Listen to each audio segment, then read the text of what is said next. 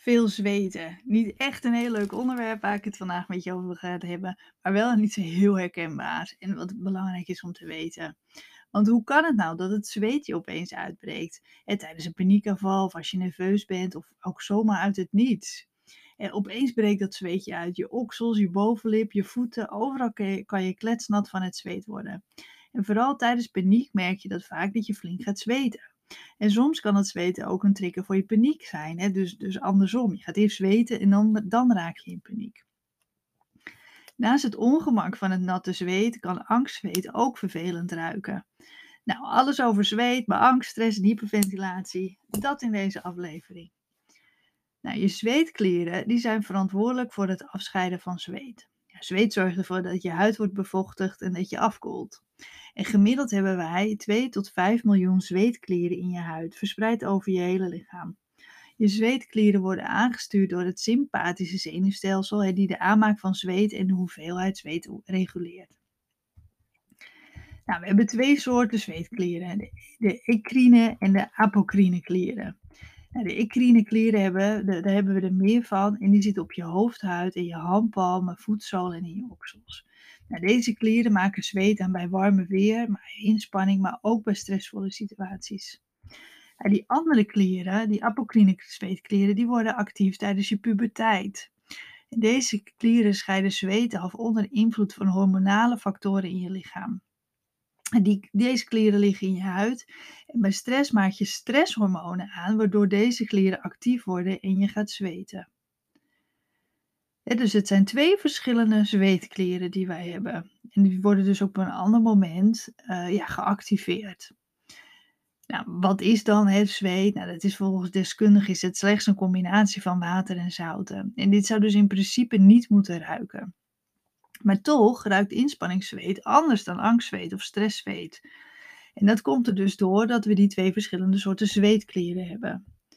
Inspanningszweet wordt namelijk geproduceerd door de uitscheiding van die exocrine zweetklieren, terwijl angstzweet wordt geproduceerd door zowel die exocrine als die apocrine zweetklieren. Moeilijke woorden, maar het gaat even om het verschil. Als dit zweet zich dan mengt met de bacterie op je huid, dan ontstaat er dus zweet wat je wel ruikt. Nou, precies weten we dus niet waarom we erbij gaan zweten bij angst en stress. Onderzoekers denken dat het wordt veroorzaakt door het stresshormoon adrenaline en dat de hoeveelheid adrenaline die je aanmaakt daar verantwoordelijk voor is. Men denkt dat het vieze geurtje wat vrijkomt bij angstzweet een waarschuwingssignaal zou kunnen zijn, maar precies weten ze het dus niet. Dat adrenaline, wat is dat nou? Adrenaline is net als cortisol en noradrenaline een stresshormoon wat wordt aangemaakt in je bijnieren.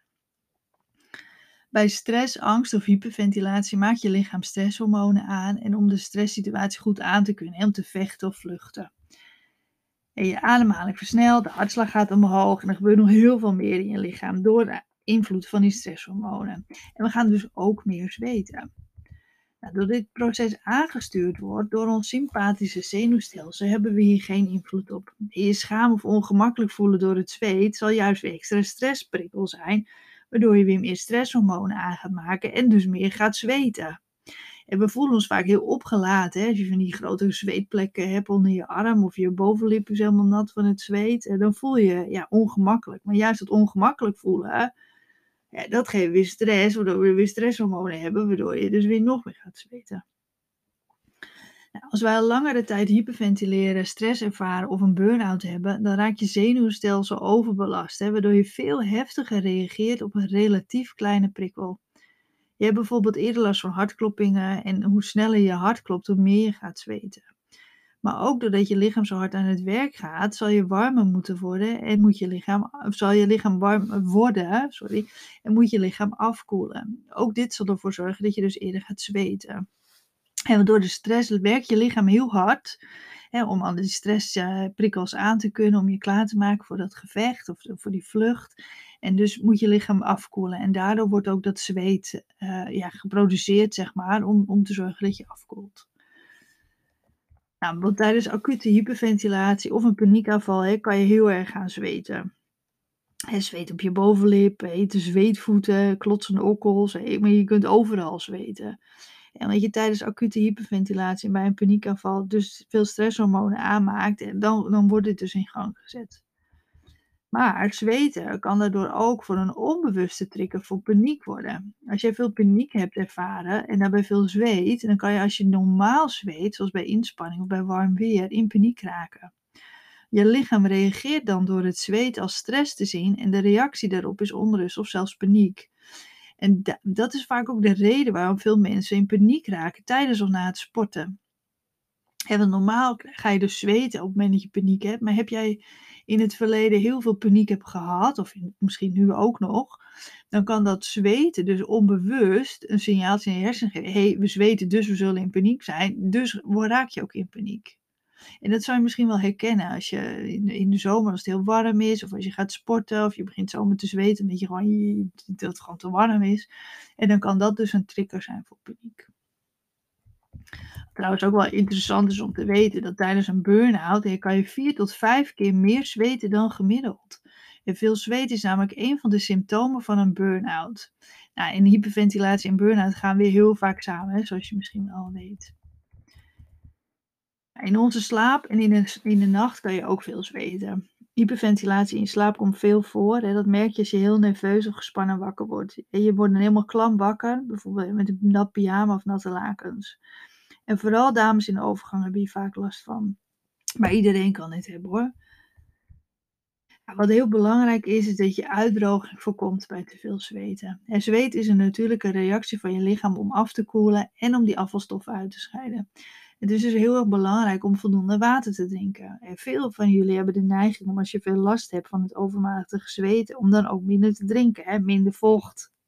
Binnen kan er ook minder vocht uit. Net als met, uh, met dat je veel moet plassen. Daar is ook een podcast over, dus luister die ook zeker. Maar het is dus hoe meer, als je meer water drinkt, zal je juist niet meer gaan zweten. Het is namelijk eerder andersom. Want omdat je kan uitdrogen door te kort drinken, wat weer stress is voor je lichaam, waardoor je juist meer gaat kunnen zweten. Probeer daarom echt voldoende water te drinken. En ook als je veel zweet of beweegt, is het aan te raden om nog wat meer te drinken dan die anderhalf tot 2 liter water per dag. Nou, wat kun je er verder aan doen hè, als je veel last van hebt van het zweten? Belangrijk is natuurlijk om te zorgen dat je minder stress hebt, hè, waardoor je stresshormonen minder zijn en je stresssysteem tot rust komt. Doe daarom regelmatig ademhalings- en ontspanningsoefeningen. Nou, hou, ook bijvoorbeeld een tijdje een dagboek bij om te kijken wat invloed heeft op het zweten. En vermijd oorzaken van zweten, zoals bijvoorbeeld pikant voedsel, nicotine, alcohol en cafeïne verhoogt je, eh, je adrenaline niveau en daardoor kan je dus ook sneller gaan zweten. Draag daarnaast kleding die je huid laat ademen en bevolken natuurlijke stoffen zoals katoen. En zorg ook dat je tissues bij de hand hebt om je huid of zweetplekken mee droog te deppen. En ben je bang dat je door het zweten gaat stinken, neem dan bijvoorbeeld verfrissingsdoekjes mee om je even op te frissen. Nou, probeer ook eens uit welke deodorant voor jou het prettigste is. En kies het liefst eentje met natuurlijke ingrediënten. Want dat kan ook echt schelen. En zorg er natuurlijk echt voor dat je voldoende drinkt. Als je uitgedroogd bent, moet je lichaam meer zweten om af te koelen. Dus dat is echt belangrijk. Als je veel last hebt van zweten, ja, ga dan echt met die tips aan de slag. Dit kan je ook trouwens nog nalezen. En ook over waarom water drinken zo belangrijk is. En ook waarom je dan bijvoorbeeld heel veel moet plassen als je, als je last hebt van stress. Eh, op mijn website www.hyperventilatiecoach.nl. En, uh, of luister zeker een van de andere afleveringen. Nou, bedankt voor het luisteren en uh, tot bij de volgende.